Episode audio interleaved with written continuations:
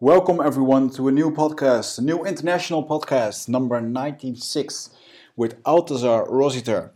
Now, before um, we start introducing the guest and um, um, continue with the podcast, I'm going to switch to uh, my native language, Dutch, to announce a Dutch event that we're hosting um, in the name of our podcast. So, for the in- English and international fans, please fast forward for a, a minute or so, and uh, you will be back with us in English uh, in a little while. Voor de Nederlandse luisteraars, welkom dat je luistert. Gaaf dat je luistert. En we gaan het vandaag hebben over veel zaken, waaronder hoe kunnen we ons gelukkiger voelen. En daarvoor hebben we de grote eindbasisshow. Die komt op 27 mei. Een waanzinnig evenement op uh, het gebied van persoonlijk leiderschap. En ons thema dit keer is geluk. En um, als we dan vragen aan mensen van ja, um, wat wil je nou eigenlijk in het leven? Zeggen mensen heel vaak, ja, ik wil gewoon gelukkig zijn. Um, daar is alleen wel een dingetje in. Daar heb je verschillende visies voor en verschillende methoden voor. En dat is ook voor iedereen verschillend. Dus het wordt heel erg belangrijk voor jezelf om daar zelf een weg in te gaan vinden. En daarom hebben we een evenement georganiseerd. De grote Eindbaartje Waarin we dit met vijf sprekers gaan bespreken. En een van die sprekers is uh, cabaretier en filosoof uh, en non-dualist Paul Smit. En hij zal zijn visie over geluk vertellen. En um, nou ja, de non-dualisten die zeggen natuurlijk nogal makkelijk: ja, geluk, dat is niet iets wat je kan creëren, dat overkomt je gewoon. En als we dan kijken naar twee andere sprekers, uh, twee biohackers, dan hebben we het over Casper van der Meulen, de man die uh, het boek Mindlift heeft geschreven en die graag in zijn zwembroek door uh, koude bergen heen loopt met zijn blote bast. samen met Wim Hof. en die zegt eigenlijk, ja maar je brein is gewoon een afstandsbediening voor je lichaam. Mijn vraag aan hem is dan ook, ja, er zit er dan ook een knopje op waarmee je op geluk kan duwen. En daarnaast hebben we onze eigen Michel Vos, de presentator van Eindbazen, wat ook natuurlijk gewoon een science geek is. En ik had hem net aan de telefoon omdat ik een promofilm aan het maken was voor dit evenement. Die zal ondertussen al wel online staan. En toen vroeg ik van jou, uh, waar ga jij het over hebben? En toen zei hij, geluk is maakbaar en afdwingbaar, punt. Dus dat klinkt wel heel erg als Michel, die gaat het lekker daarover hebben. En ik ga jullie meenemen in uh, mijn laatste avonturen die ik uh, in januari bij mijn vrienden in de Indianenstam heb opgedaan. ik ben nou weer tot veel toffe nieuwe inzichten gekomen bij, bij mensen die gewoon helemaal niks hebben, die lekker in die jungle zitten. En ik heb daar weer onwijs veel mogen leren. En die lessen die ga ik meenemen. En ik ga mijn visie op, op geluk geven. Met, uh, met die dingen die ik daar mogen meemaken. En de wijsheid die ik daar weer heb mogen leren. Dan als laatste hebben we de gast van vorige week, die ook op het podium staat, Inzo van Zanten. En hij is de evangelist van Tony Chocolonius. Als je die podcast nog niet hebt geluisterd, doe dat zeker eventjes. En uh, als je die podcast luistert, dan begrijp je ook waarom hij bij ons op het podium komt te staan. En uh, hoe chocola en geluk bij elkaar kunnen liggen. Um, of eigenlijk gewoon hoe chocola en geluk aan elkaar verbonden zijn. En op 26 april, dat is een donderdag, geef ik een lezing in de bewustzijnsschool in Amsterdam over het vinden van je missie en het vinden van je passie. Als je nou zegt van ja, dat is allemaal leuk, maar ik weet helemaal niet wat het is of hoe dat het moet. Nou, juist dan moet je komen. Uh, ik geef daar een persoonlijk leiderschapstraining. En uh, dat wordt een hele gave avond. Uh, in een uurtje of twee neem ik je mee in hoe je met handige tools en tips en tricks wat meer grip kan krijgen op ja, wat vind je nou eigenlijk leuk? Wat wil je nou gaan doen? En op het moment dat je nu geen energie krijgt van je baan of van dingen die je doet, ja, dan moet er wel iets gaan veranderen, jongens. Want anders dan loop je vanzelf een keertje leeg. En dat doen we heel snel en ik noem dat dan de moderne jungle. En wat we in deze avond gaan doen is een, je krijgt een lezing overleven in de moderne jungles. Daar ben je van harte welkom en ik uh, hoop jullie daar te zien. En voor de luisteraars die ons willen um, ondersteunen, doe dat alsjeblieft via nutrofit.nl. N-O-O-T-R-O-F-I-T.nl. Um, dat is onze webshop waar Michel en ik, ons bedrijf waar we samen uh, voedingssupplementen aanbieden. En vooral voedingssupplementen in de categorie nootropica. Dat betekent dat zijn supplementen die je ondersteunen bij je cognitieve vaardigheden. Oftewel beter denken, Je wordt er niet per se slimmer van, maar het kan je wel helpen om woorden beter te vinden. Dat je een keertje een presentatie moet doen, dat je bijvoorbeeld wat meer de woorden laat flowen. Dat je gedachten wat helderder zijn, dat je meer creativiteit hebt. En dat je beter in die flow staat kan komen, zodat je gewoon uh, getting shit done meer kan toepassen. Dat is eigenlijk waarom we dat bedrijf hebben opgezet. Jongens, um, ik ga nu weer eventjes naar Engels. Ga ik uh, Altazar introduceren en dan gaan we verder met, uh, met deze podcast. So, thank you everybody for, uh, thank you international guest if you, if you actually stayed listening to, the, to this Dutch language, which is pretty, uh, pretty weird to hear probably for you. But we are going to introduce our next guest and his name is Altazar Rossiter. He is a spiritual teacher of many people here in the Netherlands. Uh, we actually got a hold of him via uh, a previous guest, Robert Bridgman. Robert, if you listen to this, thank you for bringing us in contact. Um, and Robert is the representative of Altazar here in the Netherlands. They do many workshops, many lectures about, um, well, the spiritual path and how to heal yourself um, and I actually read um, book called Spiritual Intelligence, and it's really um, a simple, explained way how spiritual practice can be implemented in daily life. So I had a lot of questions about it, and well, I'm going to ask you guys the same questions. What do you guys think about karma? Is uh, does it exist? Is it something, or what is it in your opinion? And is it, how can it affect us? Does it affect us? Or how about the term collective consciousness? Do we actually carry the pain of our elders, of our parents, or maybe generations before? And what can we do with it? Um, it was really uh, nice to discuss with uh, Altazar uh, when we recorded this podcast. I just got back from the jungle in uh, the Amazon where I stayed with my Indian friends, and um, we talked about uh, the rites of passage that I went through and uh, what his vision is on that. it was really cool to. Um, yeah, to talk with uh, with Altazar. He's a special person. Um, he has a special energy around him. Uh, very peaceful, very gentle, and um, yeah, it was really. Uh, um, I had a good time talking with him. Sometimes it was confronting. we talked about it afterwards. he was asking the right questions to me to uh, to make me think uh, about the deeper things here in life. Uh, I enjoyed it a lot, and uh, we will probably see him back on the in the podcast in the future.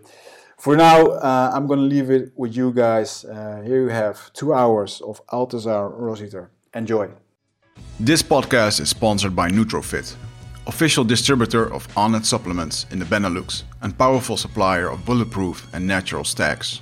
Your online place to buy supplements and training gear that will help you achieve total human optimization. Try with no risk with our Nootrofit money back guarantee, shipping all across Europe within 24 hours. Find us at www.nootrofit.com.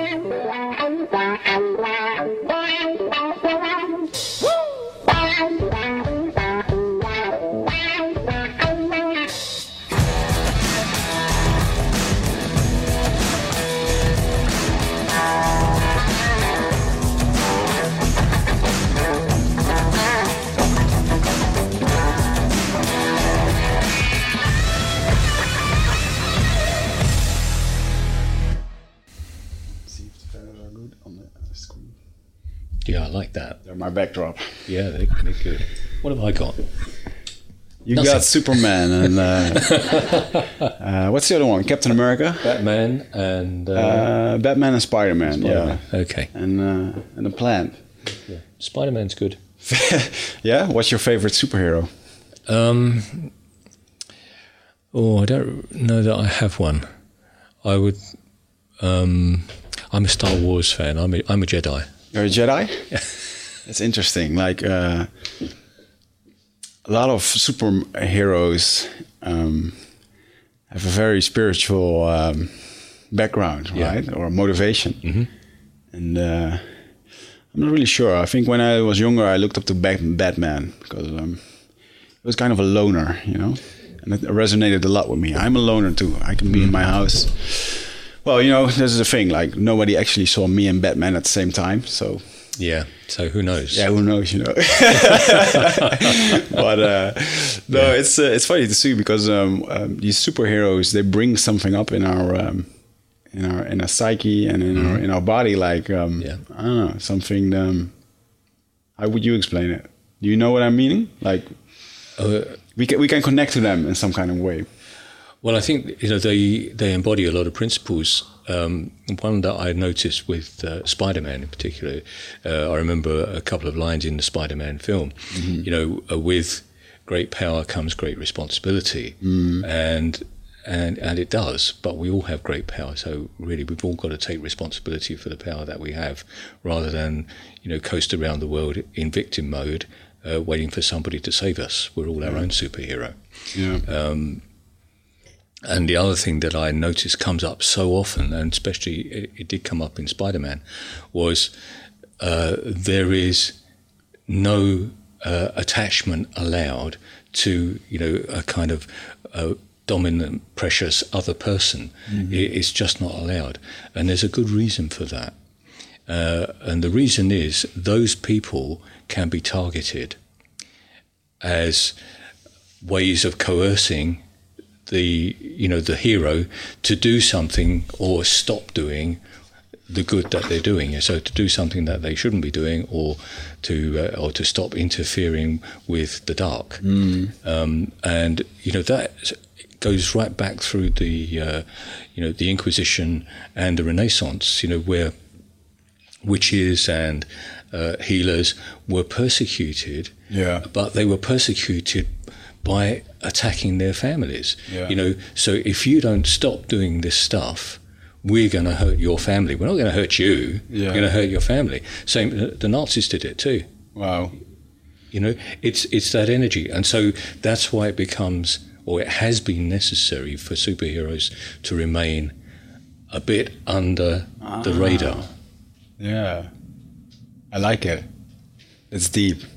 We had a um, recently we had a Dutch um, professor in um, the history of drugs in the Netherlands, but also in general in, all, in the whole world. And he uh, told a funny story that the first encounters with LSD, uh, because it's a fungus that um, can stick to the, the meal from some kind of bread as well. Uh-huh. And uh, I think it comes from a mushroom. Well, a, fu- a mushroom is a fungus. Yeah. So the, the fungus would get on the uh, on the bread. People would eat the bread and start seeing stuff. They would get in these altered states. So if you're if you're in the 1600s and people are seeing colors and uh, smelling colors and, and you know seeing sounds and stuff, and they, they you, you speak it out loud, yeah, you probably get on the um, The work of the on- devil. yeah, the work of the devil. Yeah, you get crucified or uh, or Yeah. worse. Yeah. Uh, we've been through some times though.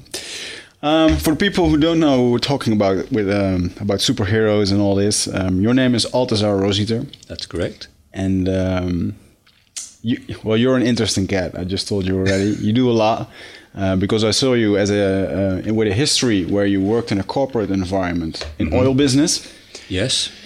And uh, for some reason, you're now transformed in um, in a spiritual coach, spiritual mentor, Well, teacher. It's not quite as black and white as that. Um, I trained as an electrical engineer, and so that's the work that I've done um, for many years uh, because it's paid me very well and enabled me to establish myself uh, as a human being in a kind of reasonably comfortable existence. Where I worked was mostly in the oil and gas industry, designing power systems for um, oil installations offshore and uh, and, and land based. You know, so it's, so even you know recently I, I still do some freelance engineering work because it's uh, it's useful. But there's a there's a story there. If um, you know, I took about ten years out uh, to explore myself. To uh, I, I went and did a, a training course. I did a what we call uh, a bachelor's degree in England, uh, and then I did a PhD uh, in uh, psychoanalysis and linguistics um, as part of my own search for uh, something different. Cause, Yeah, I actually wrote it in my notes. What what is linguistics? Like language? yeah, linguistics is language, but it's really the the linguistic part for me was not like learning many languages. It's like how does language work? How do we operate with language? Where does it come from? And uh, there's a whole load of uh, philosophy goes with it. It's like we're turning thoughts into words, you Yeah. know. And um, one of the things that I do in the work that I do now is um, I get people to speak uh, their intent. And the reason I do that is because thoughts are, are kind of, they're somewhere abstract. Nobody knows where they are. Um, you know, it hasn't been proved that they sit in the brain somewhere. Uh, we know the brain processes thoughts, or seems to anyway, um, but we don't know where thought is. And there are concepts that say, well, thought is a kind of field, it's an energy field, but it's not actually in this physical dimension. Mm-hmm. Whereas sound is. Sound is physical, it's a pressure wave, you know. So when you speak, you are bringing thoughts from one dimension into another dimension. Mm-hmm. And also, when you use your voice, you are actually using your breath because your breath powers it and your breath carries your life force. So, speaking aloud has actually a lot of power. Um, you know, we have certainly in, in England uh, a concept that words have power. And if words have power, where does that power come from? Well, it's got to come from you. Yeah. Yeah, the spoken word is something that uh, people underestimate, I guess. Um, I experienced it myself. Um, when you feel uh, um, bad for yourself, or you're talking like, "Oh, I feel so bad today," and if you even if you acknowledge it by speaking, it makes you probably even feel worse. It can, yeah, because you affirm it. Mm-hmm. You give it energy. Yeah, yeah. There's a big difference between um, uh, because I, I started recently talking to a girl who who said who did it a lot. She, she said she was talking a lot of she was expressing her feelings, but expressing your feelings is something different than being negative, right? Yes. Yeah. Um, again, you know that's that's something that you need to uh, to te- tease out. I think uh, we need to express our feelings, um, but sometimes we don't know what our feelings are. So, getting that expression out is a bit messy, um, and most of us are not used to it. Yeah. So, what happens is um, I, I talk about this often like a uh, you, you know there's some kind of medieval castle with an old plumbing system, and you know down in the dungeons there's a there's a tap, you know, and you turn the tap on, and it goes shakes and bangs and rattles, and suddenly there's a gush of dust and dead spiders and load of rubbish. And then some water trickles out and it's brown and it's mucky and black and horrible. And gradually it runs clean. Yeah. And that's how learning to express our feelings and our emotions has to be approached because um, mostly it just comes out as a as a rant, you know, as Yeah. a it comes out with a lot of force and a lot of negativity uh, because it's just been built up inside us for so long, and we've not been allowed to express our feelings. Our cultures don't allow it, um, so all the mess has to come out first, Yeah. and then when we've done that, then the feelings can be expressed cleanly without actually projecting any guilt or shame or blame onto anybody else. It- you know, it can be this is how I feel, and it's just how you feel. It's Yeah. just clean and uh, genuine. Yeah, interesting. We're gonna have to back go go back go back to the part where you were um, telling what you were studying. Oh, and finish oh, the story who you are and what you do. and I'll stop interrupting. Okay, so yeah, well, so where did I get to? I got to uh, linguistics is about for me is about how language works, and so it's how we're turning our internal world into our external world, and you know all the uh, cultural rules and the you know all the wrinkles that, that that carries. So it carries an energy of you know, our ancestors, all, all the cultural do's and don'ts and rights and wrongs that we pick up as we as we grow into mm. uh, the people that we become, and that all gets imprinted through language. Powerful, yeah. You know, um, and we get programmed through language. Um, again, you know, I, I don't know what your school system is like here in the Netherlands, but in England, when I grew up, we used to have religious instruction. It was part of the, yeah. the national curriculum. Yeah. And we were taught to sing hymns.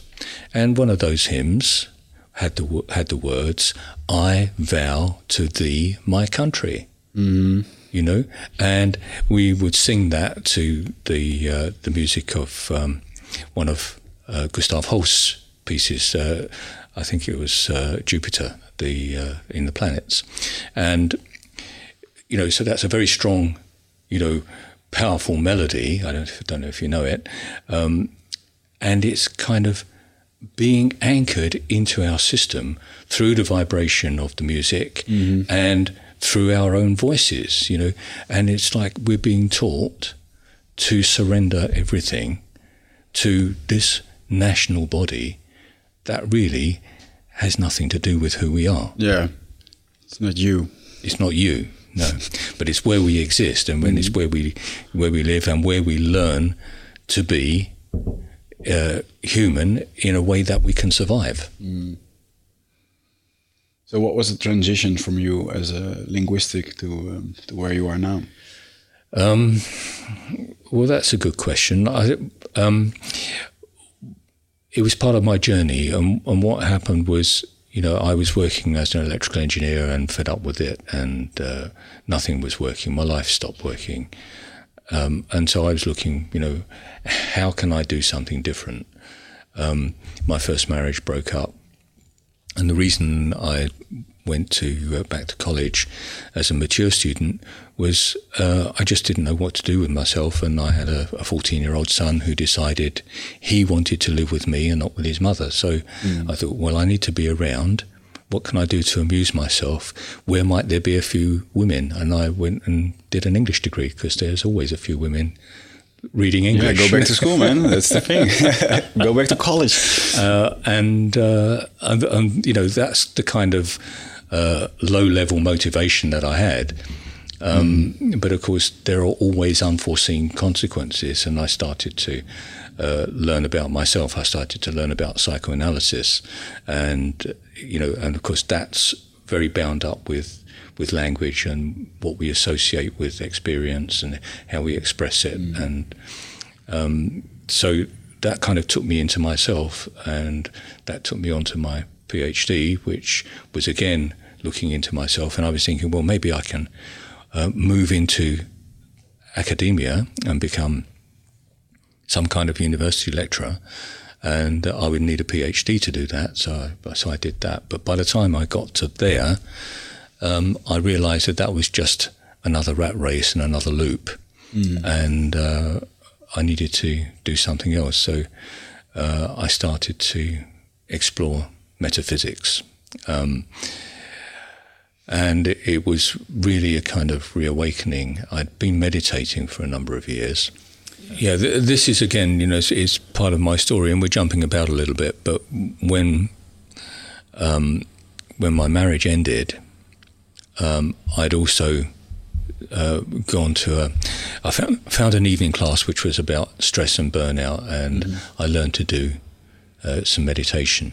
Uh, what I learned was a Buddhist meditation called Metta Bhavana, and I still practice that. And that's kind of over 30 years that I've been doing that off and on. I won't mm-hmm. pretend that I'm a, a regular meditator, um, but it has served me very, very well. Mm-hmm. And my sense of it now is that that really uh, empowered my awakening, but in stages. And it, you know, it like it wasn't like a, a sudden spiritual uh, epiphany. It was just letting me unfold myself to myself step by step. And, you know, because I was very stuck in my head and very mental, uh, I went down mental roads. You know, to, I thought, well, you know, this is the, you know, we live in a mental world. You know, people take notice of uh, people that have got qualifications and you know PhDs. They're they're the experts. I'll go and be one of those. You know. So, yeah. Um, and I found that that didn't actually uh, speak to me, and I needed to go deeper into myself. And once I started to reconnect with metaphysical things, and and I say reconnect because uh, that's another part of my story. Um, things began to shift in a different way, and I found that uh, my own system responded energetically in ways that uh, I couldn't make any sense of. You know, mm-hmm. so I call it energetically uh, because I could feel it, and it you know felt like you know various uh, sensations in my body. They'd be hot, cold, uh, tingly, and you know strange.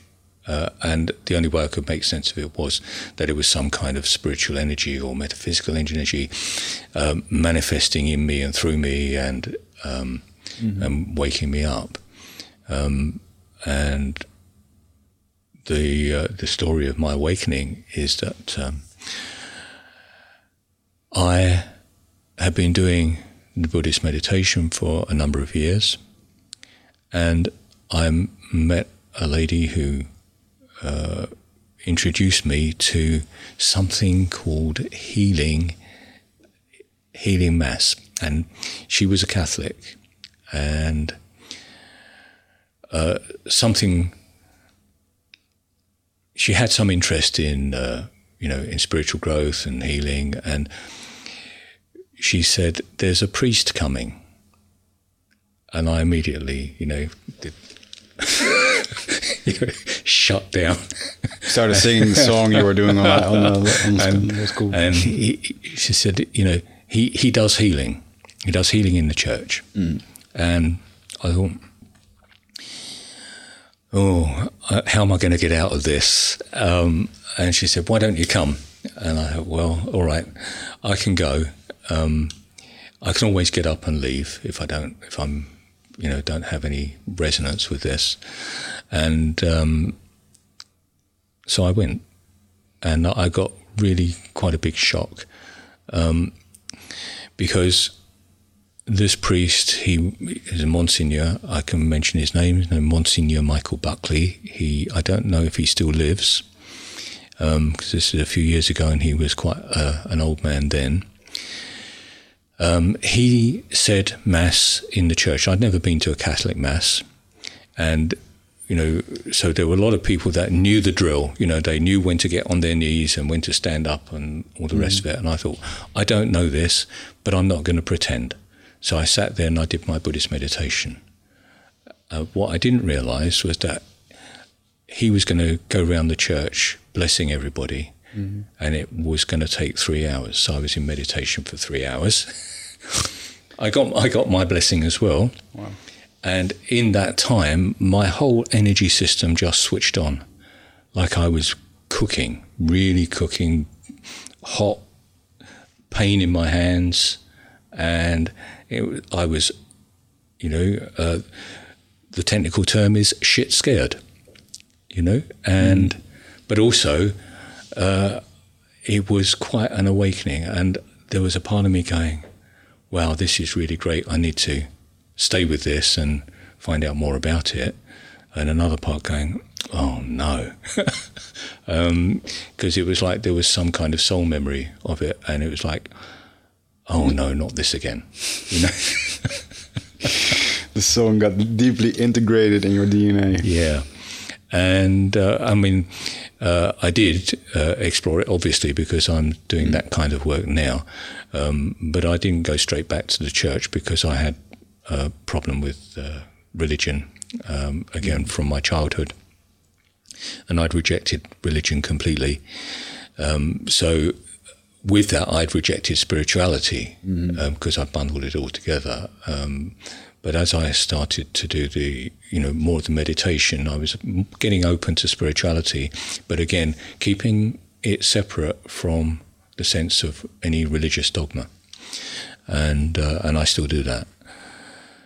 Um, and uh, at a later date, the uh, that I did see that priest again, and he did, even though I'm not a uh, baptized Catholic or Mm-hmm. confirmed Catholic in any way, he anointed me for healing, which is was something quite special. He did what? He, He anointed me, you know, blessed me and put his Ah. robes around me Uh-huh. and blessed my hands for healing. To because he recognised that there there was some kind of energy working with me as a healer. Yeah, it's strange to think about. Uh, while you're telling the story about a priest, uh, I never really thought of uh, a priest in a Catholic way as a healer. You know?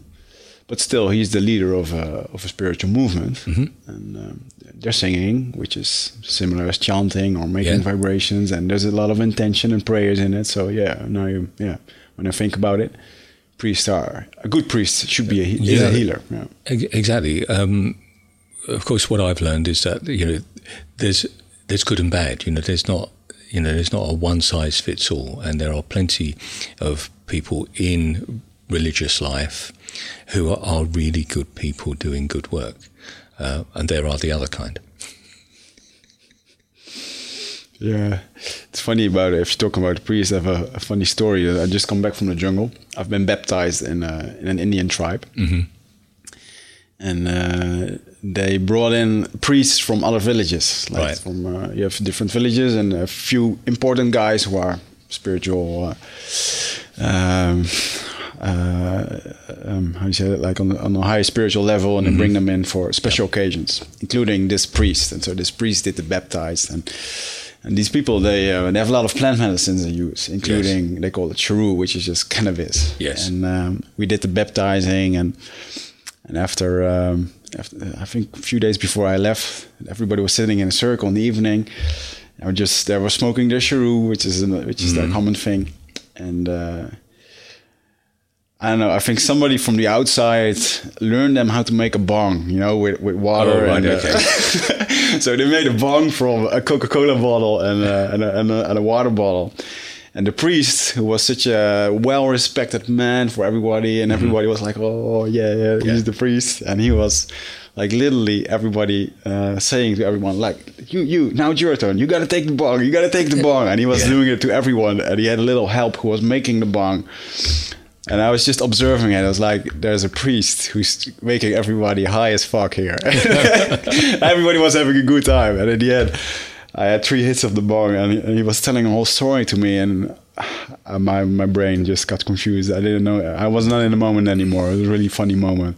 But um, um, I saw his work during the baptism uh, with chanting, with. Um, uh, doing work uh, was was the baptism was four days of um, of yeah hard hard work. The first day was about getting people to a physical border where they um, uh, where you get exhausted to this threshold. Yeah.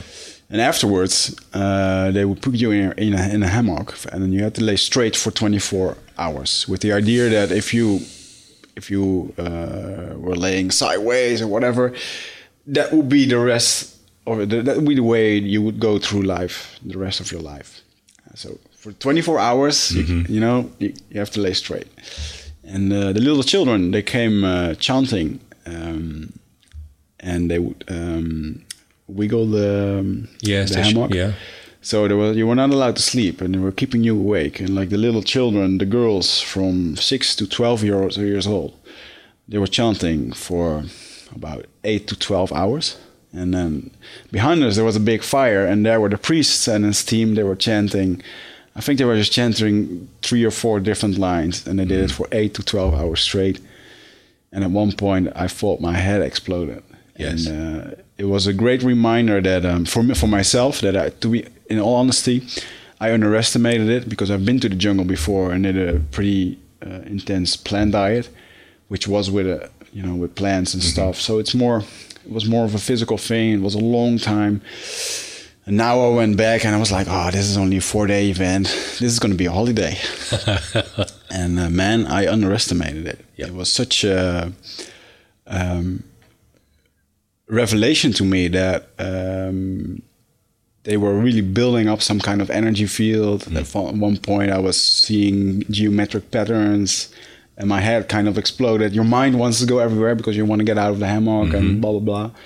Um, what, what do you recognize in this um, in this kind of rite of passage um, with this, uh, you know? Um, getting people to the point of exhaustion and building up the energy where, where transformation occurs. Okay. Is this something familiar to you? No, it isn't. I don't have experience of that. You know, I hear s- stories uh, like yours, and um, and I did a, uh, retreat a few years ago with uh, a Sufi who did that kind of thing. You know, uh, he insisted on uh, uh, fasting and uh, a particular uh, plant-based diet, and he kept everybody dancing, you know, Yeah. and moving, um, you know, f- four five hours at a time, um, exhausting them.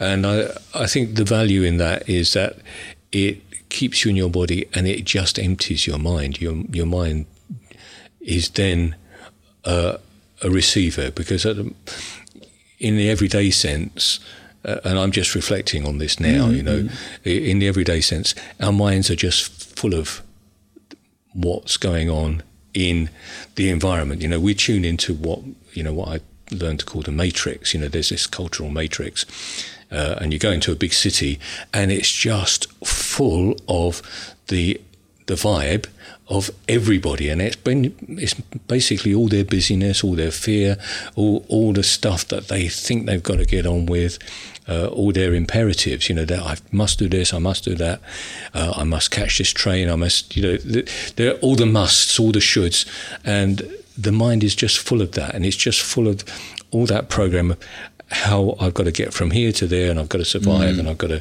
produce money. And when you do that kind of thing that you're talking about, um, what I've just said I did with the Sufi, um, your mind gets exhausted because you and you just you just in a, get in a place of surrender, and then you can hear your inner wisdom i- in another way, but you can't hear it at other times, and it might be like, oh, I've had enough of this. Uh, you know, uh, I need to go and lay down, or I need to, you know, just go out and get some fresh air.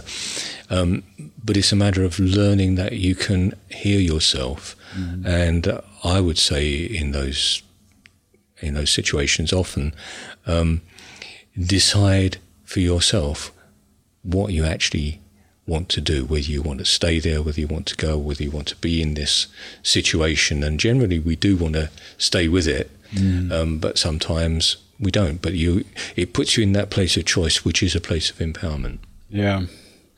Yeah, it was um, a ritual for uh, a rite of passage from a young man to a grown man, adult man. and although, um, you know, for me, the way was always plant medicines like the ayahuasca and um, uh, had very good results with it. And uh, my body resonates with it because otherwise I wouldn't do it every time. Um, but this was just, uh, I came back and I felt very uh, grounded, very uh, uh, stable. And during a few ayahuasca sessions there, I, um, experienced, well, during the first ex- uh, uh, session, I experienced a complete helplessness and uh, a fear as a child that we carry with us, which is something that I had to pur- purge. Um, and it was definitely um, well you know once you're there everything kind of connects and there's no coincidence in uh, why you're there. And uh, and after coming back i feel there's a more uh, more uh, there's more certainty uh, more decisive. I am more decisiveness i guess. And um, yeah more stable more grounded. Uh, so it was a good choice to go there. Um, I do think that um, our society doesn't acknowledge uh, the rites of passages enough these days. To be, in my opinion, I think our society softens so much that you know there there needs to be a um, a point where we can actually acknowledge to this little boy that he's grown up or that he, he's done something where he can go on to the next phase in his life.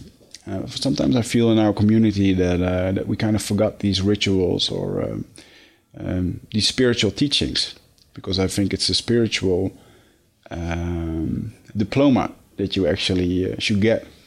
Is that something that you agree on? I've n- never really thought about it. Um, I think there is a uh, again there's a whole mess of the way we treat children mm. um, in certainly where I come from. Uh, they are kind of insulated from the world. Mm. Um, you know, when I went to school, um, you know, I would walk myself to school. I would, you know, make a nuisance of myself with my friends and, uh, you know, generally enjoy the freedom of being out on my own. Uh, now children are kind of uh, taken to school in, you know, by their parents in cars. You know, the, the school run in England, it chokes up all the roads, you know, it's, it's yeah. well known. Um, and I think there is a great fear around children uh, learning about the world and, and growing yeah. up um, and wanting to protect them and overprotect them. Um, as for the, the rite of passage, the acknowledgement of you know when someone has actually grown into an adult and when they haven't. Again, that's a that's a very grey area. You know, mm. uh, we don't have it very much in in Western society these days. Um, I've never thought about whether it's a good thing or a bad thing. Um, well, maybe there is no good or bad in it. I mean, um, I think a rite of passage for me, one of uh, maybe it's not like an official rite of passage, but for me it was. Uh, for example, when I started traveling on my own for the first time when I was 22 years old, uh, I went to Australia for a year and traveled all over the world and um, a lot of people told me like you you you went away as a as a as a young boy and you came back as a man because mm. you uh, yeah you encountered some fears uh, you handled loneliness yep. and these are parts that uh, yeah we just talked about yes people get uh, children especially get protected for in a way that I think is unhealthy yeah I think too mm. yeah uh, so you you did have a rite of passage yeah, um, yeah. and there are you know, there are many people that do that. You mm-hmm. know, um, I think it's become far more popular uh, for young people to do that. You know, when they reach that kind of, um, you know, 19, 20, 21, 22, uh, maybe they've been to university, or maybe before yeah. they go to university, they take this time out yeah. and go traveling, and they get away from mum and dad, and it's great yeah. you know? yeah. Yeah, mom and dad can be helpful, but at one point yeah. in your life, you need to take a distance. Um, and so I think that's very healthy. Um, uh, I grew up in a time when that wasn't, uh, was, was neither available to me, um, nor was it common. And um, so, you know, my rite of passage was, was a bit different and mm. uh, messy yeah. Uh, yeah, going back to your uh, experience in the church afterwards, mm-hmm. what happened? How did it unfold? Oh, well, how that unfolded was uh, I kind of didn't tell anybody for two or three days. I kind of just sat with it uh, because the, you know, the kind of energy in my body stayed with me for about three days, and I, I, could find that I could just close my eyes and I could re-induce that kind mm. of uh, energy, and I can still do it, of course. Um, and the the lady that I went with, uh, who became my partner for a few years, um, she suggested that I go and explore uh, the whole idea of spiritual healing. So I did, and I went to uh, some uh, meditation healing groups in London they were uh, run by what we have in England called the uh, National Federation of Spiritual Healers, and I learned there. I learned about uh, the energy in your body and about chakras and balancing the energy field and mm. you know, giving somebody a, a, a session where you, you know, you wouldn't work, you know, you wouldn't work hands on, but you'd be working through their aura and through their energy field. And I learned that I could feel that and I could do that. Yeah. Um, and and then it unfolded beyond that. I um, I learned about Reiki, uh, and Reiki has become very popular. Uh, it's almost um, uh, almost mainstream these days. Mm-hmm. Um, I but I learned about Reiki in I think about '93, and I became what's called a Reiki master in '95, um, and then I've kind of shared Reiki with a number of other teachers. So I got several initiations as a Reiki master, uh, and I taught Reiki for several years myself, for four years, uh, uh, thinking that that was, you know, that was my way forward in life. Mm-hmm. Um, but it was simply another step, you know, to unfolding and opening and. Uh, and then we move into the time when I wasn't doing any engineering. I'd taken time off and uh, I was finishing my PhD, and um, I'd become a new age tourist. You know, anything that was wacky, um, you know, hugging trees, uh, talking to extra- extraterrestrials, uh, angels, uh, you know, energy healing of any kind. Mm-hmm. You know, I would sign up for it, and uh, and all of that has informed me now. You know, I don't uh, recommend that everyone does the same as I've done, um, but it's good to explore. And it's a bit like you know, you, you write a passage when you you know you went travelling f- for mm-hmm. a year.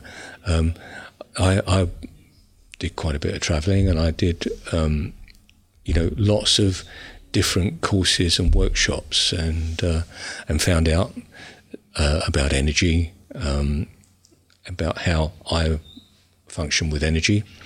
Uh, and I found out some things to avoid. Yeah. you know? Um, and uh, what I teach people now is, you know, uh, as much to, to find their own way with their own energy. Mm-hmm. Um, we don't get any lessons in school about it. Um, uh, we don't get any indication of the power that we hold um, and the responsibility that goes with it. Mm. So I have your book here for mm. listeners who are watching. This is the book. It's called um, Spirituele Intelligentie in Dutch and Developing Spiritual Intelligence in English, right? That's, That's correct. yeah. yeah. So it's a, it's an interest. So this is basically is this the work of your PhD? No, no. So, but this is the. Um, I was looking into it. I was like, well, if I'm going to do all this, it's going to hurt a lot. We're going to have to go through some processes. Well, I'll, I'll tell you the story of the book. Mm-hmm. Um, the book is it, it's interesting. Uh, the English version uh, came about because um, I think probably about oh, where are we now? I, I, lose track of the time. Um, some years ago, my, my, English book was published in 20, 20 six, 2006. Um, but I think probably two, three years before that, maybe three years before that, um, somebody from the Netherlands found me in the UK. I was giving a workshop at a conference, and uh, she just said to me, "Can you come and teach us to do this in Holland?" Mm-hmm. And I said, "Well, we'll give it a shot." You see, so. Uh, she set up a uh, a course. You know, uh, it's a lady called Charlotte Courbet, mm-hmm. and she's a good friend, and I stay with her whenever I come, or generally whenever I come to the Netherlands. And she had a, a, a foundation called um, Shapers of Education, and it produced uh, workshops and conferences here in the Netherlands for new paradigms in education. And um, so she set this course up, and we we had a two year program um, where we did uh, four retreats each year. So it was eight retreats. Uh, they were residential, and for each one, I wrote course notes, mm-hmm. and the course notes became the book in English. Oh, okay. And then she tried to sell it to Dutch publishers, and they weren't interested. Mm-hmm. so the time obviously wasn't right. Yeah. And then, you know, a few years later, I met uh, Robert Bridgman, uh, Robert Jan Bruckerman, and he uh, had been to my workshops, and uh, he was, you know, very interested in the work that I was doing, and he said, you know, can you come back and do some more? And Yeah. then he took the the book to.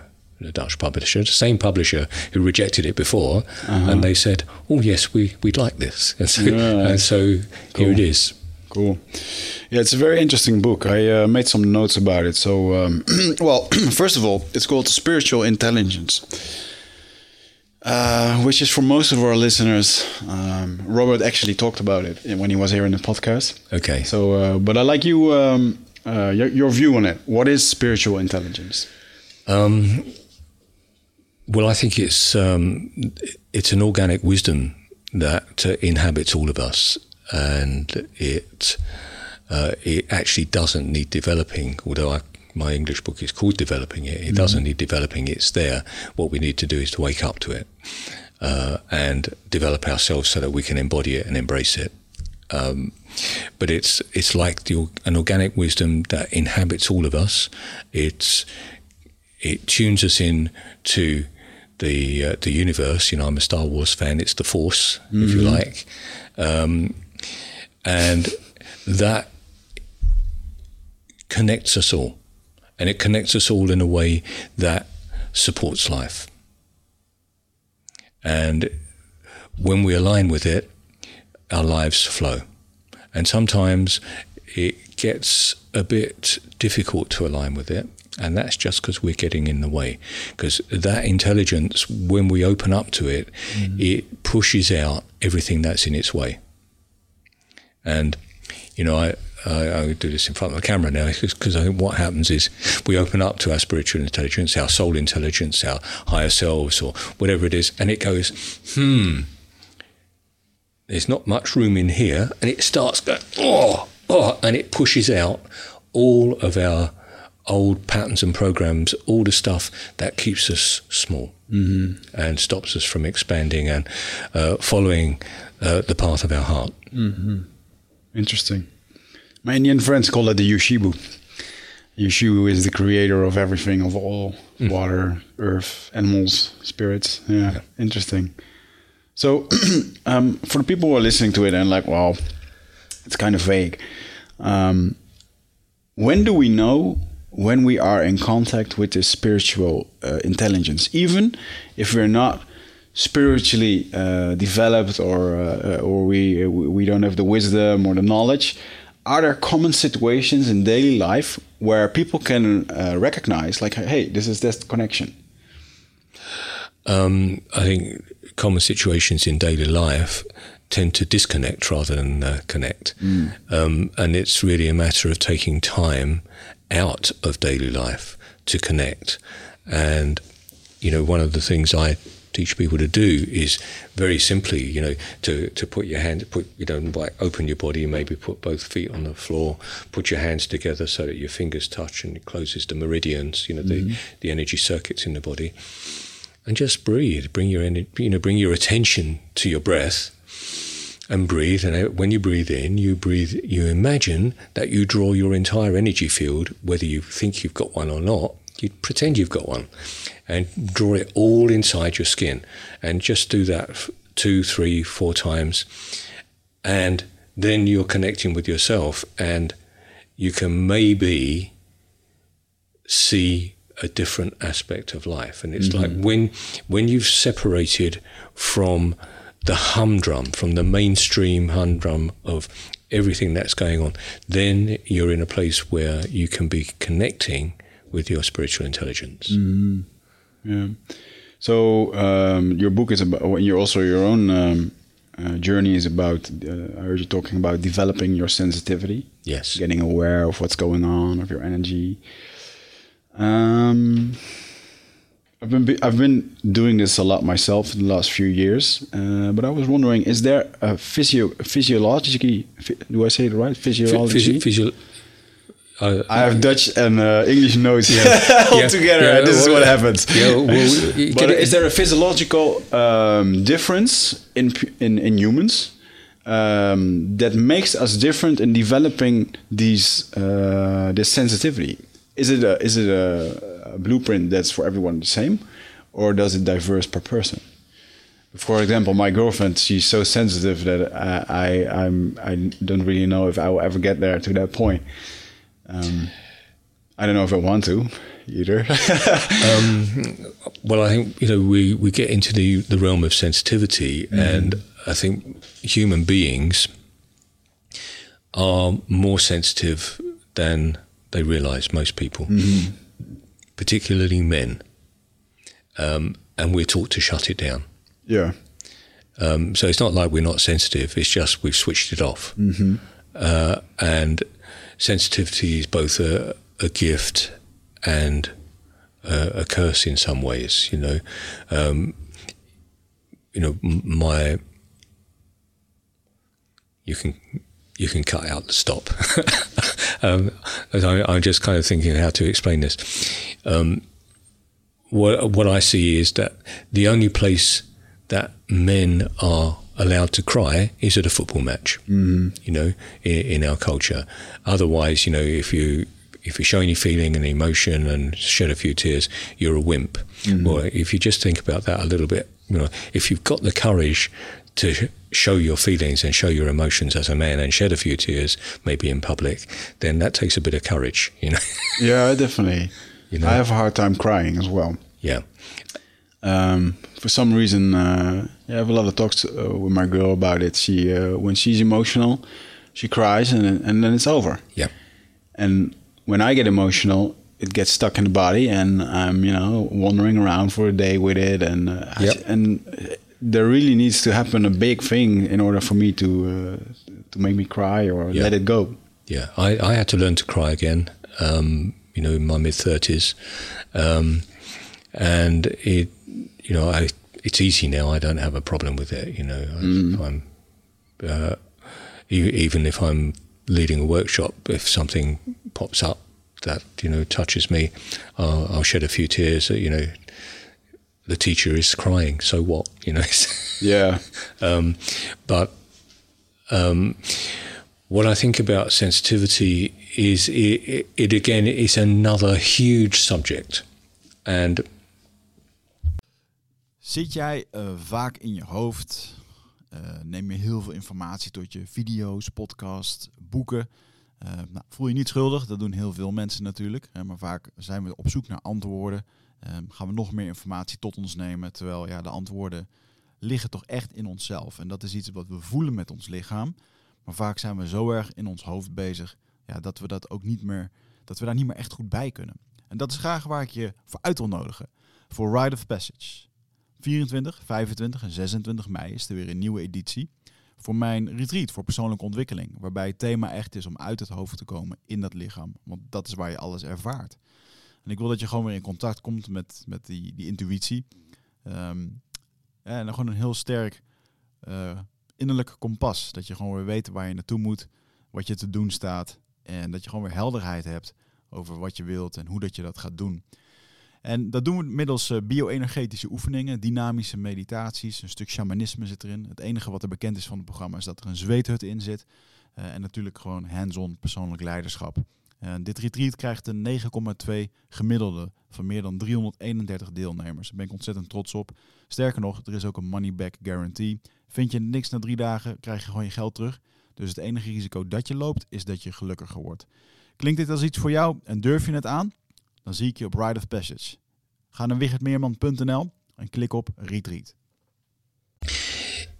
if you know when you walk into a room whether people have been fighting or not, you're sensitive.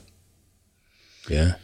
If you if you're walking around town, maybe you know somewhere that's not very savoury, and you find yourself on a street that feels hostile, you know it feels hostile. yeah, You're sensitive. yeah, you know um, and it's a matter of learning to trust that and learning to open up to it because that's your inner guidance system Yeah, it's the best explanation that I give to people. And uh, I have my moments where I opened up a lot. For me, it was through through uh, uh, plant medicines, uh, where a new kind of world opened up for feelings, and um, and that's the best way to explain it. Like if somebody walks into a room, and you know he's angry, you feel it, Mm. and the whole room feels it. Exactly. and that's just it. You know, That's just it. uh, there's no other way to um, to explain it. Uh, what I do f- uh, thought was really um, um, interesting to read in your book. You um, refer to uh, um, Rupert Sheldrake, Robert Sheldrake. Rupert And- Sheldrake. and Do he- I? uh, Rupert Sheldrake, that's his name, and um, he's uh, in the same, uh, working in the same field as you are, and he has a, um, it's called morphic resonance. yeah, and he calls it morphogenetic field, isn't it? Or morphogenic field, I think he Yeah, calls it. I actually know him from a podcast in, uh, with Joe Rogan in the US where he was talking about doing tests with people standing behind each other. Uh, one person would think of a, um, like 10 questions and he Mm-hmm. was thinking of the answers and the other the other person had to answer it themselves yes or no or one or two and what he found out was that um, if you concentrate on the other person's uh, mind like what would he thinking I, i'm not sure if i explain it the right way but basically what he uh, he found out was that every test uh, people would uh, give the same answer without communicating with each other um, and I think he called that like uh, an energy field where, which, which connects our thoughts. It's the par- he's basically he's making paranormal activity scientifically proven. Yeah. yeah, I haven't followed his work uh, very much. Um, you know, I know about it, and I know he's working in the field, and I know, um, you know, what I've seen of his uh, his talks and uh, what I've read. Um, you know, he's he's very much working in this area and seeking to bring it into a mainstream Yeah. acceptance in mainstream reality. Um, and of course, the uh, you know the establishment uh, resists it very strongly. Um, uh, as far as um, what we feel, what we recognize in uh, in energy and sensitivity, what I think happens is one of the ways I explain it. it is like we're all, you know how what a mobile phone does, you know, a, a cell phone. It, you know, it broadcasts into the ether. Broadcast, you know, it Yeah. sends and and it brings, you know, messages back. There's a there's a frequency. There's a carrier. Yeah. Well, we're all a bit like that. Only we broadcast our feelings. Yeah. That's that's what imprints our energy field. Our feelings go out, so that's why, you know, when you walk into a hostile area in town, you can feel it because all those feelings are there. You know, when you walk through. Uh, I, well, I what I remember once, I remember being on the uh, on the tube, the London Underground, um, a few years ago, shortly after the uh, the bombing on Uh-huh. uh, that happened in I think it was uh, when was that? 2012 maybe? Uh, uh, 20, oh, 2007 anyway when it, whenever it was it was 2000, 2007 I think. Uh, but I remember being on the tube and the tube stopped the train stopped in the tunnel and everybody was just you know sat there looking around at each other and, and the fear you could you could almost cut it um, and that energy is being broadcast. It's being, you know, put into the the field, into the matrix. And what happens is, any time that you get a bit scared, you will resonate with the with the field, and so that that fear comes through you, and it will make you more f- more afraid, perhaps, Yeah. than you were to begin with. It kind of amplifies your your fear and, and it keeps you kind of in that fear modality. So, so this is where my question comes from. Uh, do I want to be that sensitive? So if I start developing my sensitivity and I will go to the tube, that feeling uh, what will get into my body will even become worse. I will become more aware of it. Yeah. Does that help me? Is it helpful for me? Well, what's helpful is to be aware. Um, and to be aware that this is happening around you and that there might be people that are not aware of it. But when you're aware of it and you are aware of your own place in it, then you can choose what you do. You don't react. So it is useful because once you've got a sense of how you're operating and how all that energy functions in you, you're then at a place of choice. So you're empowered. So ah. yes, it is useful Yeah, yeah. You know and you don't want to take it's it's like if if you're kind of saying oh this is this got horrible you know i got a bad feeling about this you know you know and and you and you're just stuck with a bad feeling you're still in victim mode Yeah. but if you learn to manage your sensitivity you're empowered Yeah, yeah. Um, uh, that's where we get to the uh, the, the power of awareness, and um, I see here. I made a note of. Um, um, it starts with the power of intention. Like I want to change this. yes Um, so your book is about. Um, uh, there are different methods in it how to to heal yourself. For example, when I get to this fear, this fear of uh, losing a loved one or um, being left alone, and I, I, I'm aware of it. What, what is the uh, is there the uh, healing blueprint for that, according to you? What is, well, there is, but what is your, uh, your what is your blueprint on that, or is it too uh, too easy to say? Oh well be specific um Well, for example, I'm uh, I'm afraid to. Uh, I have a feeling in my body where I'm afraid to uh, to be for.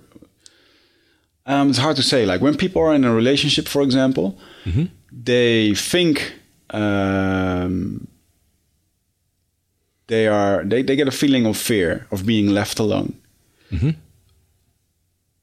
But is that the real thing that's underneath that? It could be. Well, but, okay. Again, I think you've got to uh, look at how we do relationships. It's not mm-hmm. about, you know, it's not a simple thing of, you know, fear of loss. It's about how we do relationships, mm-hmm. and um, what, what we, the way we do it is, you know, we feel love, and we project all that onto the person that we're mm-hmm. with, and we think without that person we can't feel love.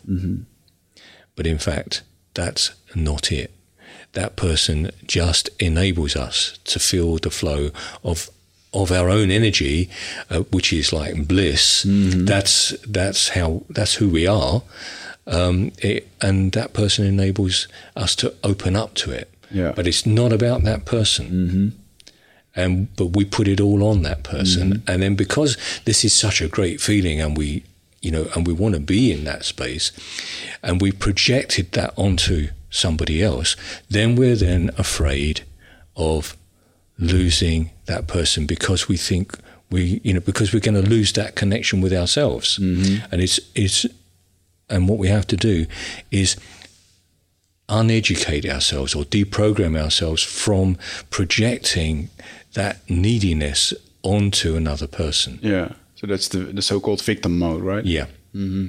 Yeah, and and it's and it's also uh, called codependency, you know, because it, then then it becomes, you know, a relationship becomes well, I'll be nice to you if you're nice to me, Yeah. you know, and if you're not nice to me, you can't love me. Conditional. Yeah. Yeah, you know, and in fact, um, you know, I, I'm in a wonderful relationship myself uh, with a wonderful partner, very conscious, and you know, we've been together 20 years.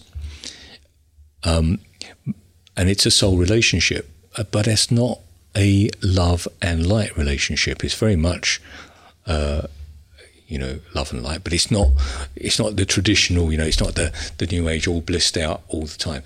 No, it because there is so much love, love pushes out anything I'm waving at the camera.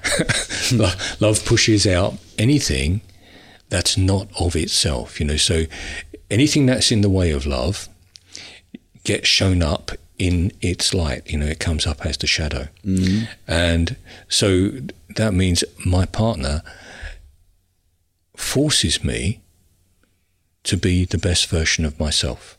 Yeah. And I do the same with her. And when she throws a load of shit at me, I have to recognize it as that and not take it personally and hold the space. And vice versa, you know, she has to do that because, you know, I'm not perfect either. Uh, you know, I have my moments and I want to blame and I want to point my finger. Yeah. And she has to say, this is your stuff, sort it out. Yeah. And it's not that she doesn't love me, she loves me enough to tell me this. Yeah. And I know this and it's not a personal thing. It's not about the connection between us. It's a it's because the connection between us has pushed it out. Yeah. Yeah, it's interesting. Yeah, I feel if you uh, if you met your um, your twin soul or uh, well somebody we really uh, care of, and usually I guess the older we get, um, the better our filter is for who is a, who is a better partner for us. Um, that's debatable.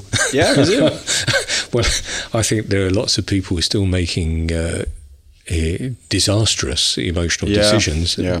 even when they're when they're older. you know. yeah, I agree. It's stepping into the same partner and in the same. Because until they deal with their patterns and their Uh-huh. programs, they will continue to repeat that, and they'll expect the, uh, you know, they'll expect Yeah. their needs to be met in a way that kind of supports their dysfunction. Yeah. Well, I'll, uh, let me just rephrase that and say that I talk out of my own experience, where I feel this is the way it is right now in my relationship, and uh, sometimes it's it's a mirror that is really that you know it's never been bigger, and uh, it's so confronting for myself especially. And uh, yeah, if I look back on the last uh, last few years and all the progress, then uh, it's a blessing to uh, to be aware of it and to have a partner to be uh, that is aware of that as I- well. It's fantastic, you know. But many people don't understand that, and they don't understand why, you know, you can you can make love in the morning and have a really blissful experience and connection together, and then. You know, 12 hours later in the evening, you're fighting. Yeah. And the reason you're fighting is because you've just brought through all that good energy Mm-hmm. and it's going, have a look at this. You need, Mm-hmm. you need to sort this stuff out. Yeah. Yeah, yeah. This projecting to other people. Uh, this is um, where where does this come from? Is this uh, the ego that develops when we're young and trying to protect it? Uh, that it's not our fault, uh, um, or Um, where does it come from? Society thing? Is Well, it it's, society? it's, it's a good question. Um, you know, there are there are no straight answers to any of your questions. Yeah. um, you know, I don't do too much of the science, um, but the uh, there's a, there's a certain level of survival stuff that goes on, and you know, we we as we develop, we look at what we need to survive us, to you know, to stay alive and to to keep functioning in the world, and we project. This is all about projecting our power outside of ourselves, um, because as children, we are powerless, or pretty much. You know, we're totally dependent on our parents. You know, initially totally dependent on the mother, uh, totally dependent when we're in utero, in the womb, when the mother's pregnant, because you know we're we're our bodies are completely nourished, and then you know when we're when we're born, again, you know we're out in the world, but we are completely helpless and we are dependent. So the power is outside us, and we internalize that as we don't have the power. And, mm. and because that gets kind of programmed in very early before the the frontal cortex is developed because the frontal cortex doesn't actually develop until about uh, 12 13 years old in, it, in human beings uh, you know we don't have any way of rationalizing that and understanding but that stuff gets loaded in to our memories and and early programming and we stay with that almost all our lives until we find a way out of it. Yeah. So you know we are we are projecting our power outside ourselves. And if we come back, I'm just going to come back to um, the language thing. You know, um, a very easy way of looking at this is when you read something.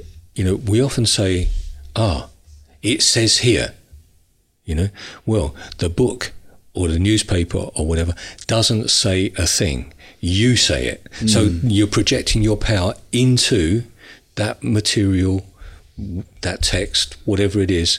That's you say is telling you. It's, it's intrinsic in our culture and in the language we speak. Yeah, it's not our own inner truth, but it's Yeah. someone's truth. Yeah. And we say, it says here, oh, what does that notice say? It doesn't say a thing. Mm-hmm.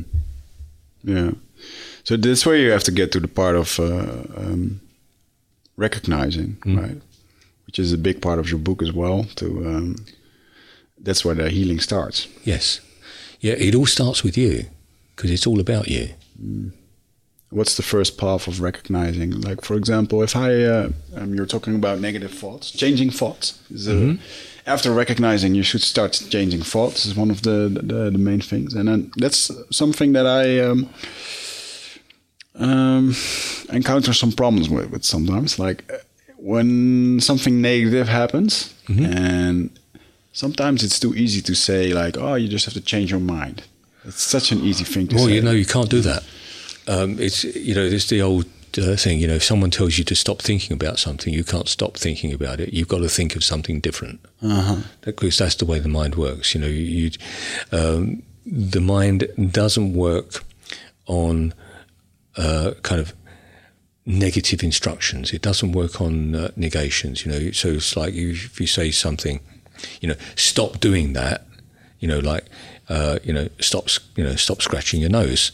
Uh, you know, that thought is of the paradigm scratching your nose. The, the stop bit doesn't actually register in the mind. It's like the mind has to think of something else. So, you know, i we had this thing, you know, stop thinking about, stop, well, you know, just stop thinking about elephants. Stop it. You know, and as soon as someone gives you that suggestion, you can't stop thinking about elephants until someone says, "Well, okay, think about feathers." You know, you know, then you can think about feathers, and the elephants have gone. Yeah. Um, so, come back a little bit. Be careful with the mic. Um, the way I approach it is you cannot solve any issue, any problem at the level of consciousness that it was created. And that's the problem with the mind. Hmm. So until you step out of that level of consciousness, then you're stuck with the old patterns. So changing the thought patterns isn't going to work. You know, because you know you're trying to fix something that's broken with itself, Yeah. and it can't be done. Yeah.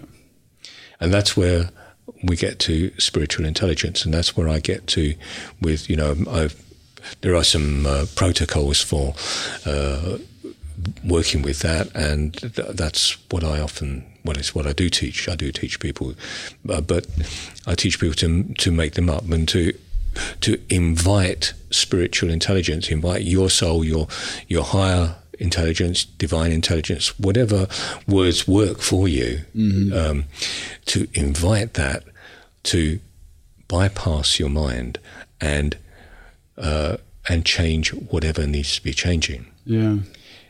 so, so is it necessary to um, uh, to, uh, to help to to need to you need help with that? Do you need other people to um, uh, to help you with these? Well, I think it, again, you know, it's you, it, you don't need anybody else. You can do it yourself, Yeah. but it helps.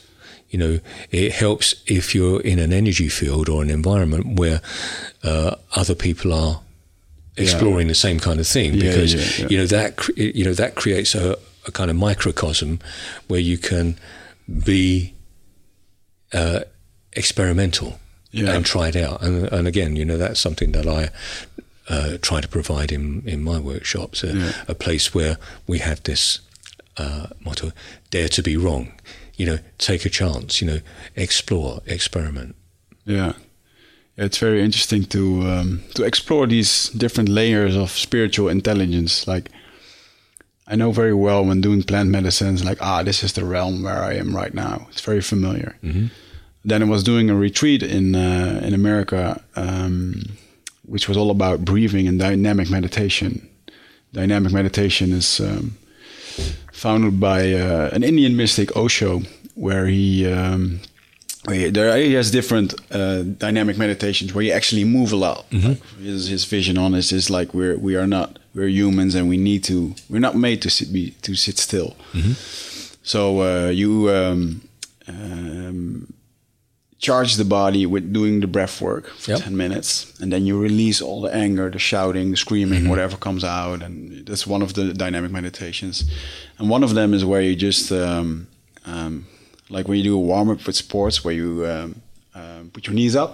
You do it for 15 minutes and after that you get to a point of exhaustion. You don't want to go anymore and after that you can sit down and just sit still and and that awareness um, it was really interesting to me to do that. Like i was sitting in the in that awareness and thinking like hey i've been here before. This is this feels very familiar. And you know you have these insights because yeah you're there you're connected. And um, although it was familiar, I think it is one of the thousand layers you can get into. Um, it's a very wide variety of, of this spiritual intelligence. Do you get to do you get to a place daily where you where you are at that place that you recognize? Yeah.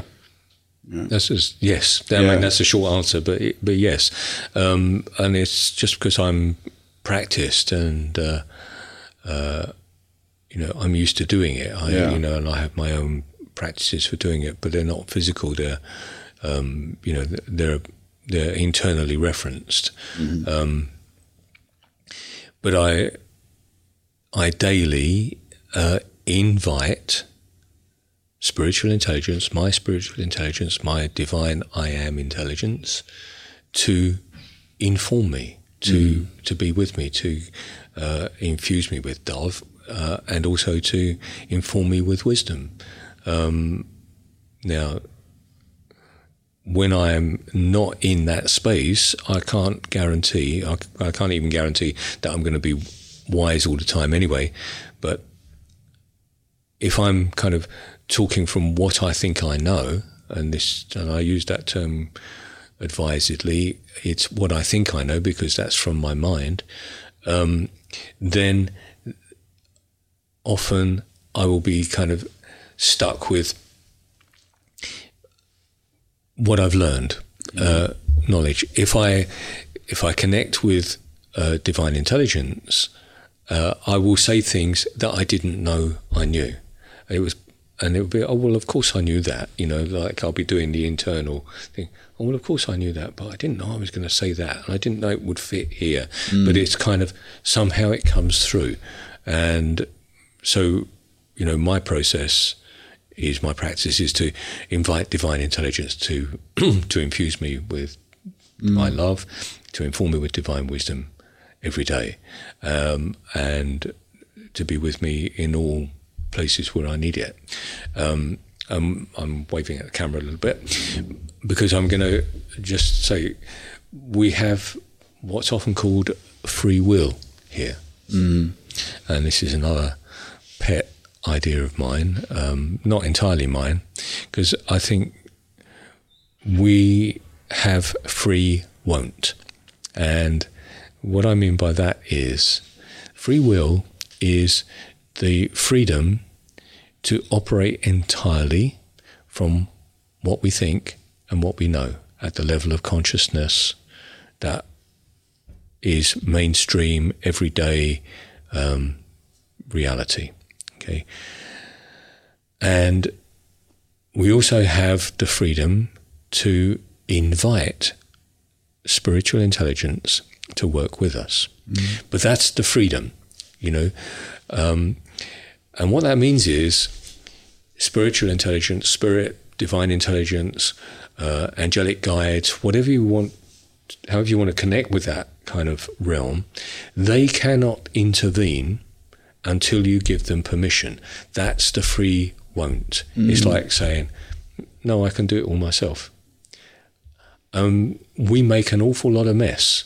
And most of the people that I come into contact with that have found a spiritual path of some kind, it's because they've made a mess of things and it's hurt so much that they've either wanted to jump off the roof or make some really deep change in the way they live.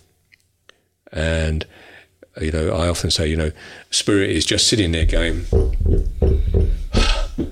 when's he going to ask? Yeah, when's yeah, he going to ask? Oh, and then, and then when you do, when you kind of say, okay, spirit, or you kind of connect with whatever is in your heart and you go, I need some help. It goes, at last. Yeah, and then it comes through with a bang. And often that's, that's quite dramatic. Yeah, yeah, yeah. Yeah, I recognize I have problems. I have difficulties asking for help. Yeah. It's a pride thing. You don't want to bother other people. Yeah. Yeah. So, that's that's yeah. how it manifests, yes. Yeah, that's where burnouts come from. Yeah, interesting. Um, so, um, help me out here. I'm just um, looking at my notes here. Um, there's also one thing that I uh, thought was very interesting, and it probably has also to do with this. We t- talked about it a, a little bit already. The collective pain, which is um, um, well, I'll let you explain what the collective pain is, but how do we recognize collective pain separately from our own pain? Or is collective pain our pain? Um, well, I think it's both. You know, uh, we we contribute to collective pain, and we uh, and we feel it. But often, uh, if we're carrying some of it, we need to clear it in ourselves. And when we clear it in ourselves, we can recognise the collective as they're in pain, and I'm not part of that. Um, but that doesn't mean you don't recognise it. So, um, for example, um, there is still in Europe a lot of pain from the Second World War. Yeah. You know, um, those people who are still around that experienced it don't like to talk about it. It was so awful, and that's collective pain, and some of that gets passed down because uh, you know the effects of that pain and that trauma will have conditioned the way those people parented their children. Yeah. So it gets transcended by not talking. So it's it's it's kind of distanced from it, but it's still there. yeah. You know, uh, and so those that kind of pain is in the collective, and um, you know when you see uh, pictures of uh, you know Second World War or you know maybe uh, pictures of the uh, the concentration camps, you know, you you kind of feel the horror and the you know, well that's part of the pain, and it's not like you're ever going to look at it and say, oh well, you know, that's okay because it it wasn't okay, but you.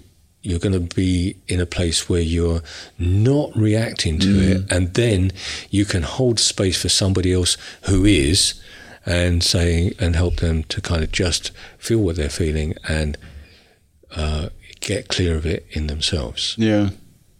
Yeah, I think we talk halfway the podcast about uh, clearing that stuff. Um, uh, interesting to. Um, so we're in daily life and we look at the picture and we feel this pain. How to handle? What's the step Um, to instantly do something with it? well, if you recognize it, you know the first thing is you know uh, recognize it, and uh, the the step that I do is I immediately, uh, you know, if I'm in that kind of situation, I say, okay, divine intelligence, and I was I will kind of say this, divine intelligence. I feel whatever it is that I'm feeling. I want you to uh, infuse this feeling with divine love, release it, and show me where it comes from. And uh, so I've invited divine intelligence to to work at whatever level that I can't see with my conscious, you know, human awareness, and then uh, I might get some clarity. But it's like there, there's practice. This is like building a muscle that you've never used. Yeah. Yeah, I, I can imagine that for a lot of listeners standing in the kitchen arguing about stuff that Yeah. This is a weird thing to do. To, Yes, it is, To yeah. speak out loud and Sure. to something that is- probably not there in their. Um, Yeah, and it's yeah. Well, you know, if if you want to get to the front of the queue at the supermarket, do it at the checkout. yeah, yeah. You can still be burned at the stake in some cases. Yeah, I understand. And that's that's one of the many ways, obviously. That's one of the uh, many ways, uh, and you get used to um, once you start to understand how you're being affected. You can you can put it on the back burner mm-hmm. until you are ready or in a place where you can deal with it and you but you can notice that you're reacting and and then you know certainly if you're in a, a situation where you're arguing with somebody you can you can stop the argument dead. You can just stop arguing and say, okay, the, I don't, I, I don't want to talk about this anymore. They might upset them because they still want to keep going, Yeah. and you just say, that's enough. It's going nowhere. I, I'm not going to talk about this anymore, and just leave it. Uh, and you know, those if you're in a, a, an argument, you know, people will want to keep going with that argument because what they want to do is they want to prove themselves right and that when they prove themselves right they've taken your energy because you know you've kind of you know and Yeah, whatever. whatever yeah. And so they've taken your energy. And when you walk away from it uh, they're left you know still wanting your energy and you know maybe even get more angry. Don't walk away from me. Don't ignore me. And it's like you know where's this going? Yeah, where's this going? It's going nowhere, you know.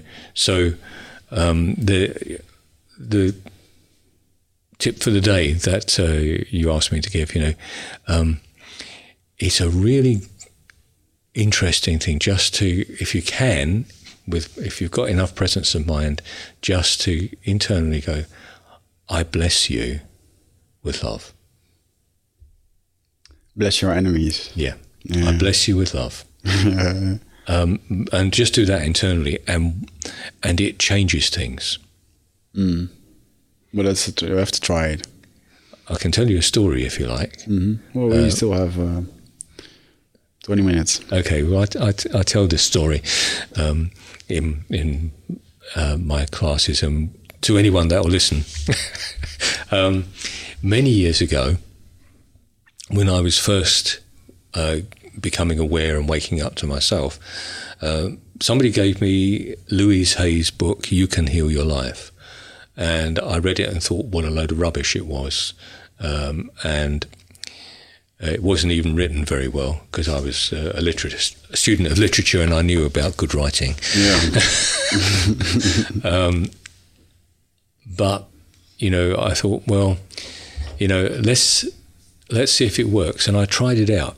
I was working in central London in a street where many people will know called Tottenham Court Road, which is a main shopping street in uh, in central London. And I got off the tube one morning, uh, and I was walking up from the station, and you know, about maybe 50 meters ahead of me, I could see somebody that I didn't like. It was somebody, a colleague in the office, who didn't like me, and I didn't like him right back, and that was just how it was. You know, that was that was fine. Could live with that. And we were. I knew I was going to catch him up because I walked fast and he didn't. Um, so I slowed down and I caught him just at the entrance door of the office block. And it was one of those doors that had an automatic close on it. And so he pushed it open and let it fly back at me. And I just thought, hmm, that's, that's what I expected, you know. And we had to go through several doors like this to get to our workplace. And each time, you know, he would walk through and just let it swing back at me. And I thought, hmm, well, let's just try this. I'll send him some love. I, I couldn't feel it, but I, all right, I'll send you some love. And he held the next door open for me. And it was a, it was like, you know, someone could have just gone and, and knocked me over. yeah. Uh, So yeah, people should try this. to feel them for themselves and see for themselves. and uh, let's face it, you've got nothing to lose. What have you got to lose by trying it? Yeah, nothing. Yeah. Well, it's a better uh, way of looking at somebody than uh, at least to try to give it a shot. You know. Yeah. Um, you don't like the you don't like the person for for your internal reasons. Yeah. Maybe you look like somebody who, uh, who bullied you at school or whatever. You know, you have so many projections and emotions and emotional scars that you know, we label people. Sure. Um, um, um, another thing that I think is really interesting and is um, karma. What is karma, and um, what is the function of it? How do we cope with it? Um, what do you think is karma? Karma. Well, first question is: Do you believe in karma? Um, that's a question that everybody should uh, define for themselves. Um, I think it's debatable in, uh, in different ways. What I believe and what I saw from my um, vision quests uh, in the jungle is that um, as a soul, you have an opportunity to uh, to choose a life with lessons. So you're up there, and there's a thousand possibilities what kind of li- life you're going to choose right now. Um, and you choose it, and uh, you go through life with that. You have a certain uh, challenge to uh, to find here, maybe a mission or um, yeah, things you can take back to grow as a soul and uh, to transcend to something higher. That is my uh, perspective uh, on how we yeah i think we ch- we choose our lives. And i do think that the people we meet and the situations that we get into uh, there's not much choice in it. I do think we have a choice it's whether would you like coffee or tea that kind of stuff. It's, it's more smaller. But uh, you know um, yeah your your path has already been uh, decided you can you can fight it against it and it's going to be a really hard path That's so the- that's that's, that's the, the- making the connection with that Yeah, and, spiritual and that's the free won't. You can fight it. You, you that's the free won't. That's, Yeah. yeah. yeah You can fight it. so uh, you can struggle against it and i think that is the um, um, that's where growth comes from Yeah. Well, yeah so uh, well, anyway uh, well, that's my point of uh, and do or karma hmm, um, i think karma uh, comes from the buddhist religion right um, I think it, it's uh, Hindu. Hindu, yeah. So, Um, I'm, to be really honest, I'm not really. Um, um, yeah, I'm not really into it. I didn't really look into it, and I and I see karma as a thing. Uh, it doesn't come to my mind very often. No.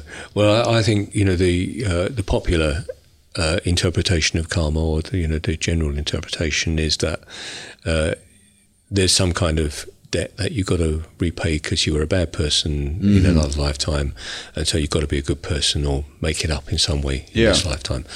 And uh, I don't like that interpretation. Um, I don't know if it's right or not, but I don't like it. Uh, and I rather like the uh, the interpretation that you just expressed, where you know we it's what we take on as a soul, and we take on we something that needs to be cleaned up, and uh, and and that's our karma. That's a kind of, uh, and we we may take it on because we we have uh, explored the dark side and the light, the light side in other lifetimes. Who knows what's happened? Um, but we know that there is a job to do and something to be learned and some service to be made, and we and so we come in and we take on, um, you know, difficult situations in life, and uh, and so there's there's karma in that, but there's also karma in the sense that we're all connected. Um, there is absolutely no doubt f- for me that you and I uh, and you know everybody in the everybody in the world is connected, and we're connected with the universe. We're connected with all living things, with with nature, um, and in some ways, you can say there is really only one being in the universe, and we are all part of it. And so, if I do harm to any other being, I'm doing harm to myself. Mm-hmm. And that's karma. So, you know, there's, there's that balance. So, why do I want to do harm to myself? Well, I don't, do I? So, I do my best to Yeah. do no harm to others uh, because, you know, it comes back to me through uh, maybe a long loop of energy, you know, a long kind of feedback loop, but it comes back. Yeah. And so there's the cause and effect. Yeah. So you have a choice to instantly work on your karma. Yeah, and of course, uh, and sometimes you know something you know quite funny happens. You know, uh, you you have a, a thought or uh, something that you're not very proud of, and you kind of do something that's going to upset somebody, uh, and immediately you you know somebody upsets you, or you know, and it's like, well, that happened quick. Yeah, yeah, yeah, yeah. I, I remember uh, a funny story again. You know, I was again some some time ago. I was in a, in a uh, kind of cafe restaurant where uh, there was a a bench seat. You know, not seats like this, but a, just a bench. You know, and and I didn't notice that I was on the end of the bench, and uh, and I was making fun of somebody across the room, and uh, and I and I stood up, and I when I sat down, I sat down on the on the floor, and it was like instant karma. yeah, it's funny how that goes. And especially when you realize it at that moment, Yeah. you feel extra stupid. Yeah. Um, so I have two questions for you left. One is them. I, I really broke my brain on um, on a certain phrase called consensus reality. oh yeah, well it's good to um, Help me out here. to yeah. I'm, I'm glad your brain was broken. Yeah. uh, consensus reality is mainstream reality that everybody subscribes to. It's like uh, it's when it's what people call natural, and it's it's what they do in their everyday lives. You know, this is the reality that we live in. You know, the reality that um, you know uh, there are uh, bad people. There are, you know, you have to go to work for a living. You have to work hard. You have to, you know, all those kind of cultural ideals that we're signed up to without knowing. You know, when we're very young, uh, all all the stuff, the religious dogma, the stuff that you've got from school that is no, of no use to you. Uh, that's all part of consensus reality. And we then kind of live in that thinking that we can't do anything about it. That's consensus reality. Yeah, yeah, yeah. So that's uh, our traditional and cultural, Yeah. famil- uh, fam- the fam- family Yeah. imprints, everything. That Yeah, we- and, it, and it's a consensus because we all agree that that's how it is. Yeah. Yeah, there's a lot of uh, we need a lot of change in perception to um, to Yeah. work on that. Mm. That well, that's a, that's a part of your. You talk about the new paradigm, right? The new world, and one of the words is uh, authenticity that came in there. And I truly believe with internet being more transparent, um, like there's no at one point the internet will be so transparent. For example, I was talking with my co-host Michel about this. In a few years, there will be video uh, software where people will put this video in, and they will see our, you know, body, body language, uh, whether we are lying or not. You know, so this this transparency with internet and everything gets online, and uh, authenticity really is the is the only way that you can survive. Um, as if you want to be a public person or want to be an influencer positively. What what is your take on uh, on authenticity and how to become? Well, you've got to accept yourself before you can be authentic. Um, you know, you've got to accept um, all your own issues. You you haven't got to clear them, um, but you've got to accept yourself. If you can accept yourself, um, then you can be authentic. But if you can't, then you're going to be lying about who you are, who you think you are, Yeah. and how you live, because you you're going to be operating uh, against how you think you should be and how you know you aren't. Mm. If, if you know what I mean. Yeah, there's a danger with, uh, especially social media. Where, like, what are people putting on their social media? It's a world that they want others to think their world is, right? Um, I think social media again is, is brilliant for uh, sharing this kind of uh, information. That's why you're here. yeah, I, I do. It's brilliant for this kind of information, but I resisted it for a long time, um, and uh, but I've learned that it is. It's very good. But I think also there's there's a lot of rubbish, and you know.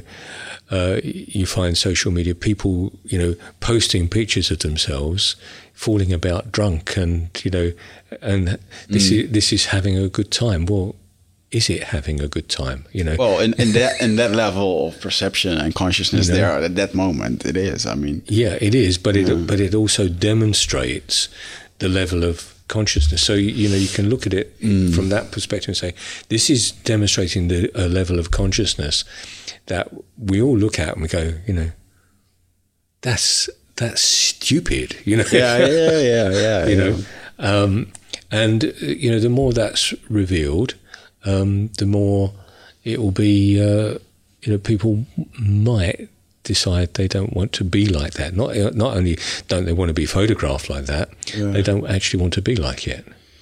Yeah, I had a funny moment where I was um, uh, cleaning up old stuff, and I found you know these cameras where you had like switch through uh, like these carton boxes, like the throwaway yeah. cameras. Yeah, yeah, I remember those. And I found one which was undeveloped, and I and I recognized it like ah, this is from a holiday from like 15 years ago. Burn it.